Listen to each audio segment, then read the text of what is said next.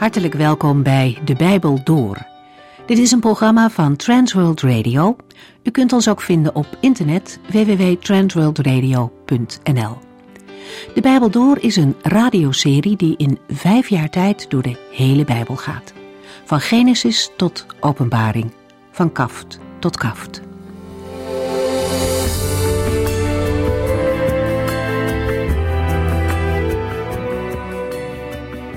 In deze aflevering gaan we verder in het Bijbelboek Hosea. Economisch ging het goed in Israël. De Heere had hen gezegend met overvloed. Maar dat hij de gever was van alle zegen, dat zagen de mensen niet meer. In materieel opzicht waren ze rijk, maar geestelijk waren ze behoorlijk verarmd. Hoofdstuk 9 beschrijft een oogstfeest waar Hosea aanwezig is. Naar alle waarschijnlijkheid was dit een feest dat koning Jerobeam ingesteld had als alternatief voor het loofhuttenfeest van de heren. Deze koning probeerde zijn volk ervan te weerhouden om naar Jeruzalem, de stad van God, te gaan. Bij de feesten van Jerobeam had de Heere geen plaats. Het vieren van Gods grote daden en de vreugde in de Heer, dat was niet aan de orde op zijn feesten. Daarvoor in de plaats kwamen dronkenschap, losbandigheid en afgodendienst. En op zo'n moment verschijnt Hosea met een boodschap van God. Israël zal niet lang meer in het land van de Heerde blijven, maar worden weggevoerd naar Egypte en Assyrië. Dan zal er geen oogst van koren en druiven meer zijn. De schijn van godsdienstigheid zal dan helemaal onmogelijk worden. En bij gebrek aan alles zal men geen offers meer kunnen brengen. Alles wat er nog te vinden is, zal onrein zijn. En wat zult u dan nog doen op de feestdagen voor de Heere? vraagt de profeet hen scherp. En de woorden van Hosea raken de mensen niet in hun hart. Ze zijn al zo ver weg van God dat ze zijn stem via de profeet niet eens herkennen. Mensen noemen hem waanzinnig en ze gaan gewoon door met feesten.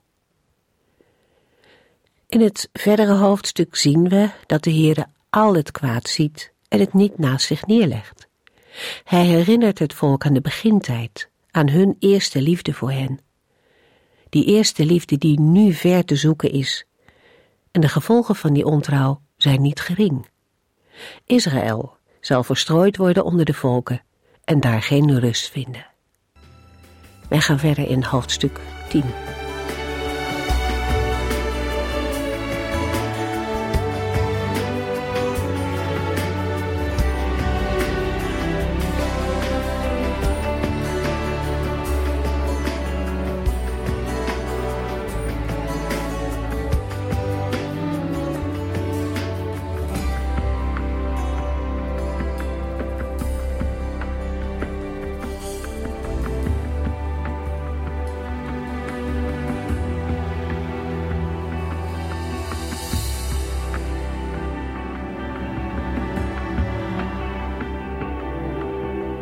In Hosea 10 gaat het verder over het tienstammenrijk Israël dat ontrouw pleegt tegenover de Here door afgoden te aanbidden. Maar het gaat ook over de buitenlandse politiek van de koningen van Israël. Hosea 10 vers 1 Wat is Israël welvarend als een wijnstok vol druiventrossen. Maar hoe meer rijkdom God haar schonk, hoe meer altaren zij bouwde voor de heidense afgoden. Hoe rijker de oogst, hoe mooier haar gewijde stenen. Het eerste gedeelte van Hosea 10, de versen 1 tot en met 8, herinneren aan wat we lazen in Hosea 9. De wijnstok Israël doet immers denken aan het beeld van de druiven in de woestijn. Alleen lijkt ze helemaal niet meer op een wijnstok vol druiventrossen. Israël is eerder een wijnstok die inmiddels is leeggeplukt in de tijd van de oogst, maar wel vol met druiventrossen heeft gezeten. De Heer had zijn volk immers rijkdom en overvloed gegeven, maar naarmate Israël rijker was geworden, hadden ze ook meer altaren gebouwd en meer gewijde stenen opgericht. Maar dat moeten wij niet lezen als een compliment, want het zijn heidense altaren en gewijde stenen. We lezen in Hosea 10, vers 2: Het hart van deze mensen neemt een huigelachtige houding aan tegenover God. Ze zijn schuldig en zullen moeten boeten. God zal hun heidense altaren verwoesten en hun gewijde stenen vernielen. Vers 2 geeft geen beeld van een offer aan de Here, naar de mate van het inkomen van de offeraar. De Israëlieten bouwden wel altaren en richtten ook mooie gewijde stenen op, zoals Jacob in Bethel en Samuel in Mispa hadden gedaan. De steen die Samuel oprichtte bij Mispa noemde hij Eben Haezer, wat betekent tot hiertoe heeft de Heer ons geholpen. Daar stond Samuel met heel zijn hart achter. Maar het hart van de Israëlieten in de tijd van Hosea was niet voor de Heer. En wat we al eerder zagen, zo werd Bethel, het huis van God, tot Bet-Aven, het huis van de zonde. En op de altaren werden offers gebracht aan de gouden kalveren, die Jerobiam de eerste had laten maken, en de gewijde stenen werden tot plaatsen van ontucht en overspel. Naarmate het Israël voor de wind ging, begonnen de Israëlieten de Heren meer op hun eigen manier te dienen. In plaats van naar Gods bevel en instructies werd het een eigenwillige godsdienst die tot afgoderij verviel. Gods genade en zegeningen leidden niet tot bekering. Integendeel, we lazen al in Hosea 2, vers 7: Zij beseft echter niet dat al wat zij bezit van mij kwam. Ik was het die haar koren, jonge wijn en olijfolie gaf. Van mij kreeg zij al het zilver en goud dat zij nota bene gebruikte voor de verering van haar afgod Baal. Welvaart en voorspoed zijn vaak niet zo bevorderlijk voor het geestelijke leven. Mogelijk heeft u er zelf ook ervaring mee. De Heere is niet tegen rijkdom, maar als geld verdienen belangrijker wordt of is dan de persoonlijke band met de Heere, dan wordt het een afgod. In Matthäus 6, vers 23 en 24 zegt de Heer Jezus: U kunt niet twee heren dienen, want u zult de ene haten en de andere liefhebben, of omgekeerd. Zo kunt u ook niet God dienen en tegelijk uw hart op het geld zetten. Ik geef u deze raad: maak u geen zorgen over eten, drinken en kleren. Uw leven is belangrijker dan het voedsel, en uw lichaam is belangrijker dan kleding. Hosea moet namens de Heere over de Israëlieten zeggen: Het hart van deze mensen neemt een huigelachtige houding aan tegenover God. Daarom zijn Gods oordelen gekomen. De pracht en glorie van de kalverendienst is al verdwenen, waarbij we misschien moeten denken aan het feit dat de tempelschatten van Bethel zijn gebruikt voor de financiering van een leger, kortom, als oorlogsschatting een en ander tot groot verdriet van de inwoners van Samaria en de afgodenpriesters. Soortgelijke priesters als die op de Karmel, waar zij schreeuwden tot hun god Baal, die geen oren bleek te hebben, want hij hoorde hen niet. Maar de Heere gaat nog verder. Hosea 10 vers 3 dan zullen zij zeggen: Wij hebben de Heere verlaten en nu heeft Hij ons onze koning ontnomen. Maar wat maakt het uit? We hebben hem toch niet nodig.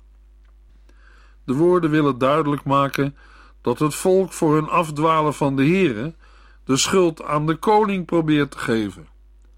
De profeet maakt duidelijk: als wij zelf als volk de Heere niet vrezen en nodig hebben, wat zou dan een koning voor ons kunnen doen? Het antwoord wordt niet gegeven, maar lijkt mij duidelijk: niets. Daarmee komt de diepste oorzaak van hun probleem naar voren. Het ontbreekt Israël en haar koningen aan geloof en vertrouwen op God, aan de vrezen des Heren. Als die ontbreekt, dan helpt geen koning. In het vervolg maakt de profeet duidelijk wat de koningen van het tienstammenrijk in feite van het koningschap hebben gemaakt. Hosea 10 vers 4 Zij beloven dingen die zij toch niet van plan zijn te doen. Hun rechtspraak is als giftig onkruid in de voren van een akker. De koningen van Israël hebben het koningschap uitgehold tot het spreken van woorden zonder inhoud, onbetrouwbare woorden. Dingen beloven die zij toch niet van plan waren te doen. en hun rechtspraak is al niet beter, te vergelijken met giftig onkruid. Het recht wordt met de voeten getreden, ontaard in vriendjespolitiek en het verrijken van de koning zelf. Hosea 10, vers 5 en 6. De bevolking van Samaria maakt zich bezorgd over het afgodsbeeld van een kalf in Bethel. Het volk en de afgodspriesters rouwen en treuren om de vergane glorie van het beeld. Maar het ding zal met hen in ballingschap meegaan naar Assyrië en als geschenk worden gegeven aan de grote koning daar. Israël zal worden uitgelachen omdat zij dit beeld vertrouwden en zal te schande worden gemaakt. Altaren en gewijde stenen zullen in stukken gehouden worden en het kalf van Bethel, hun god, zal zelf als oorlogsbuit naar Assyrië worden meegevoerd.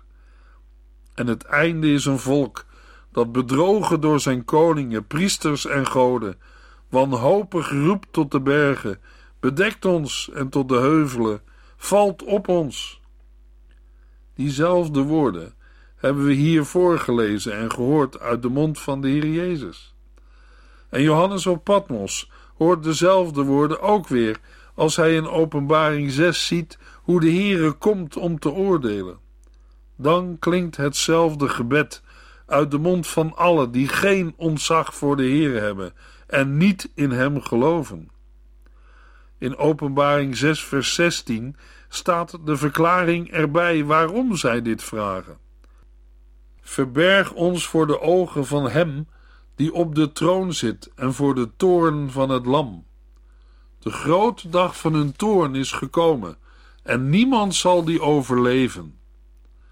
Het is de toorn van het lam, de toorn van de versmade, bespotte en gekrenkte liefde van God.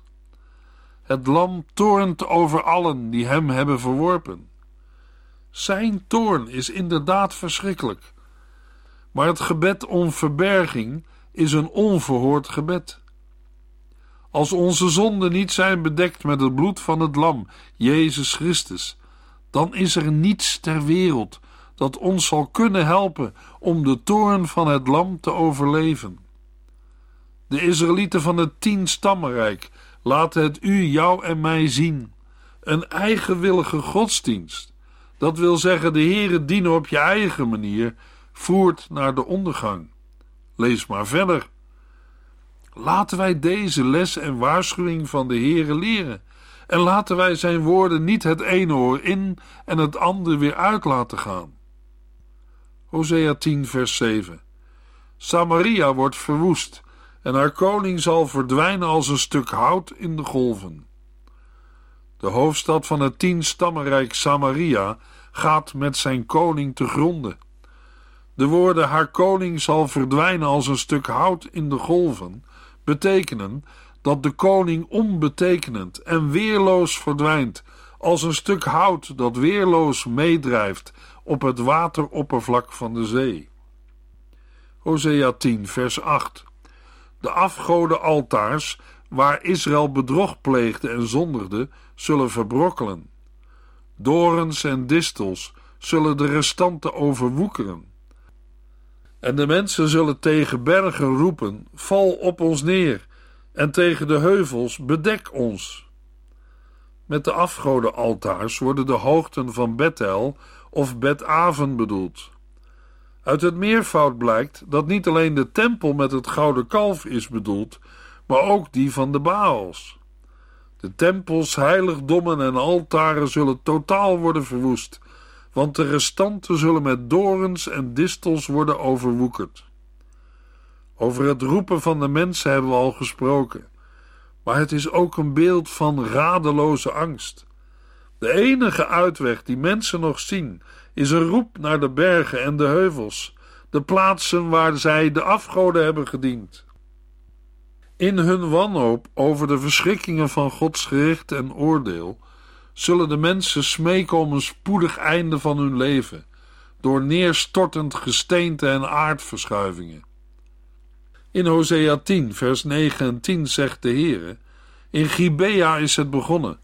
Toen hebt u voor het eerst gezondigd en bent er sindsdien niet meer mee opgehouden. U hebt daarna nooit meer enige vooruitgang geboekt. Was het niet terecht dat de mannen van Gibea werden weggevaagd? Ik zal u straffen voor uw zonden. Ik ga de legers van verschillende volken verzamelen om u daarmee de les te lezen over uw zonden. Ook in vers 9 en 10 grijpt de Heere terug naar het verleden, namelijk de dagen van Gibea, ook al genoemd in Hosea 9 vers 9. In Gibea heeft zich de trieste geschiedenis afgespeeld die we lezen in Rechters 19 tot en met 21. In het Bijbelboek Rechters illustreert de afgoderij van de Danieten het godsdienstig verval in Israël. In Rechters 19 zet het verval zich door en zien we de totale morele verwording toegespitst op de mannen van de stam van Benjamin. De gebeurtenissen vormen een zeer zwarte bladzijde in de geschiedenis van Israël. Heel het volk is erbij betrokken. De geschiedenis in Rechters 19 geeft de aanleiding voor de nationale crisis die in Rechters 20 losbarst. De gebeurtenissen lijken op die van Sodom en Gomorra, maar dan met verkrachtingen en zonder engelen om in te grijpen. Het resultaat is een nationale crisis met vreselijke gevolgen. Rechters 19 begint met de geschiedenis van een leviet en zijn bijvrouw. De bijvrouw loopt bij hem weg en gaat terug naar Bethlehem, naar het huis van haar vader. Na vier maanden reist hij haar achterna om haar zover te krijgen dat ze weer terugkomt. Hij wordt vriendelijk ontvangen en blijft een tijdje logeren, langer dan hij van plan was. Uiteindelijk vertrekt hij toch, samen met zijn bijvrouw, en bereikt bij zonsondergang de stad Jeruzalem, die toen nog Jebus heette. Maar hij wil niet overnachten in een stad waar geen Israëlieten wonen en reist verder naar Gibea, een stad op het grondgebied van de stam van Benjamin. Ze overnachten bij een oude man die uit het gebergte van Ephraim kwam en in Gibea woonde. Maar s'avonds kwamen mannen van de stad naar het huis en vroegen de oude man zijn gast naar buiten te brengen, zodat zij geslachtsgemeenschap met hem konden hebben. Nee, beste mensen, doe toch alstublieft niet zoiets schandelijks met de man die mijn gast is, smeekte hij. Nee, mijn dochter, die nog maagd is, en de bijvrouw van deze man. Maar ze wilde niet naar hem luisteren. Daarom duwde de leviet zijn bijvrouw naar buiten, waarop de mannen haar verkrachten. Pas morgens vroeg, bij het openen van de deur, zien ze haar liggen. De leviet toont geen sprankeltje emotie. Hij beveelt haar zelfs op te staan. Omdat er geen antwoord komt, ontdekt hij dat zijn bijvrouw is overleden. Hij legt haar op een ezel en vertrekt naar huis. Dan doet hij iets gruwelijks. Hij snijdt haar in twaalf stukken en stuurde naar elke stam van Israël een deel. Een niet mis te verstaande oproep om zich acuut te verzamelen voor de strijd. Hij wil wraak tegen Gibea, neemt het recht in eigen handen en heel Israël raakt betrokken in een bloedige burgeroorlog. Het effect blijft niet uit. Overal zijn mensen geschokt en sporen elkaar aan in actie te komen. Zo'n vreselijke misdaad is er nog nooit gepleegd sinds Israël uit Egypte is vertrokken. In Mispa wordt een militaire vergadering gehouden waar de leviet zijn verhaal doet voor de oudsten en het volk. Maar hij maakt er een dubieus verhaal van dat niet strookt met de werkelijkheid. Het eindigt met een veldslag waarin de Benjaminieten worden verslagen. Ze slaan het gebied en de hele stam van Benjamin met de ban. Israël had de Canaanieten moeten verdrijven. Maar de laatste veldslag die beschreven wordt in het Bijbelboek Rechters is de vernietiging van de stam Benjamin. De veldslagen tegen de Canaanieten waren bij lange na niet zo massaal, vastberaden en daadkrachtig als die tegen de Benjaminieten. Het is, bitter genoeg, Israëls grootste militaire succes uit het Bijbelboek Richteren. Israël had een moeilijke opdracht uitgevoerd. Ze hadden het geschonden recht hersteld. Maar Israël was verder gegaan dan de Heere had geboden. Zij moorden alle vrouwen, kinderen en ouderen uit die in de steden van Benjamin waren achtergebleven, en daarna werden de steden verbrand. De ban had toegepast moeten worden op de Canaanieten, maar toen werd de ban toegepast op de eigen volksgenoten, van wie het merendeel part nog deel heeft gehad aan de gebeurtenis in Gibea. In Hosea 10, vers 9 en 10 is de klacht van de Heere dat Israël sinds de gebeurtenis in Gibea is blijven doorgaan met zondigen. Er is in het Bijbelboek Hosea geen sprake van een volk dat de Heere verlangt te dienen. Nee, het leeft in zonde. Ze luisteren naar de raad van slechte mensen. Zij blijven stilstaan op de weg van de zondaars en zitten bij hen die met God spotten. Een tweede is dat de Heer is gekomen met opvoedkundige maatregelen, maar het volk heeft zich niet bekeerd van hun boosheid.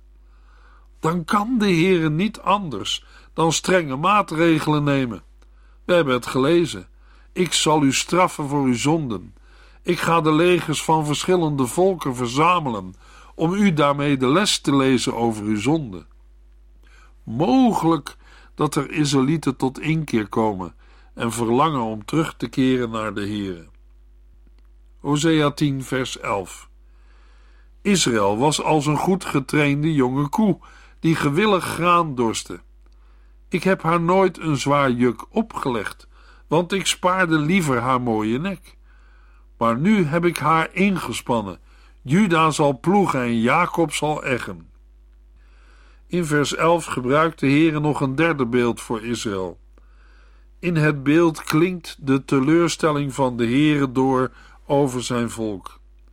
Het beeld is ontleend aan de landbouw. We lazen in vers 11 over Israël als een vaars, als een jonge koe, die door de eigenaar is afgericht om te dorsen. Dat is aangenaam werk. Het is lichtwerk, zonder een muilkorf voor, zodat het dier al dorsend ook zelf kan eten. Zo goed was de Heere voor het slavenvolk dat hij uit Egypte had bevrijd. Daarom mocht de Heere van zijn volk verwachten dat het in handel en wandel, aangeduid met de beelden van zaaien en oogsten, zou leven naar de normen van Gods wet en in liefde en verbondenheid met Hem zou wandelen. Maar wat is er van gekomen? Ze hebben goddeloosheid geploegd en misdaden geoogst en zijn in zondig zelfvertrouwen eigen wegen gegaan. De Heer is teleurgesteld en hij kondigt aan dat er een einde komt aan een leven in de zonde. Hosea 10, vers 12. Saai gerechtigheid uit en u zult mijn liefde oogsten. Ontgin nieuw land, want het is nu de tijd om de Heere te zoeken. Dan zal hij komen en gerechtigheid over u laten regenen. Israël moet weer gaan leven naar de wil van de Heere.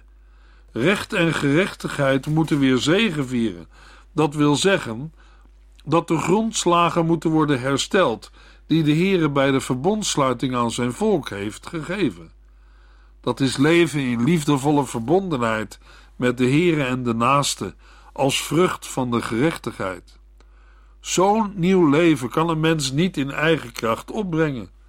Daarom is het nu de tijd om de Heere te zoeken, opdat de Heere zal komen en gerechtigheid zal doen neerdalen als regen. Hosea 10, vers 13 en 14. U hebt goddeloosheid verbouwd en misdaad geoogst. U hebt uw verdiende loon gekregen door te vertrouwen op leugens. U geloofde dat militair overwicht en een grote troepenmacht uw land konden beschermen. Daarom zal uw volk worden getroffen door de verschrikkingen van de oorlog, en al uw vestingen zullen ten val komen, net als Bet Arbel, dat werd verwoest door Salman. Zelfs moeders en hun kinderen werden toen verpletterd. In vers 13 wordt gezegd dat het leven en gedrag van het volk heel anders is geweest dan hun taak en roeping was. Het gedrag van vers 13 staat in schril contrast met de vermaning in vers 12. Israël heeft op buitenlandse mogendheden vertrouwd. Daarmee vertrouwden zij op leugens. Israël geloofde dat een militair overwicht en een grote troepenmacht hen kon beschermen. Maar het volk heeft niet op de Here vertrouwd. Erger nog, ze hebben de Here niet gevraagd en hem links laten liggen. Daarom zal uw volk worden getroffen door de verschrikkingen van de oorlog, en al uw vestingen zullen ten val komen. En met een herinnering aan een voor ons onbekend, maar voor Israël ongetwijfeld zeer bekende harde optreden van een zekere Salman in Bet Arbel, kondigt de Heere nogmaals het strafgericht aan. De verschrikkingen zullen zo hevig zijn dat zelfs moeders die zich beschermend over hun kinderen heen buigen, met hun kinderen verpletterd zullen worden. De koning valt als een van de eerste, zoals met de laatste koning van Israël, koning Hosea, naamgenoot van de profeet Hosea, ook werkelijk is gebeurd. In 2 Koningen 17 lezen we de gebeurtenissen die we in het Bijbelboek Hosea zijn tegengekomen. In 2 Koningen 17 vers 7 lezen we deze ramp kwam over het volk Israël als gevolg van de afgodendienst die de Israëlieten beoefenden. Zij zondigden op die manier immers tegen de Heere hun God, die hen had gered uit de slavernij van de farao in Egypte. Israël had niets van Gods lessen geleerd. Zij zaaiden goddeloosheid en zij oogsten misdaad. Zij aten de vruchten van leugens. Zij vertrouwden op machtige koninkrijken en op hun leiders die tegen hen logen. Zij geloofden hen eerder dan de Heer en zijn boodschappers. Zo kregen zij precies datgene waarvoor zij hadden gekozen, omdat zij niet luisterden naar de Heere en zijn profeten en doorgingen op de weg die hun voorouders hadden ingeslagen. De Assyriërs zijn gekomen en het volk Israël is in ballingschap weggevoerd en leefde opnieuw in slavernij. Laten wij van de fouten van de Israëlieten leren en luisteren naar Gods woord en zijn boodschappers. Want alles wat Israël is overkomen, is opgeschreven als een waarschuwing voor ons die in het einde van de tijd leven. In de volgende uitzending lezen we Hosea 11 tot en met 14.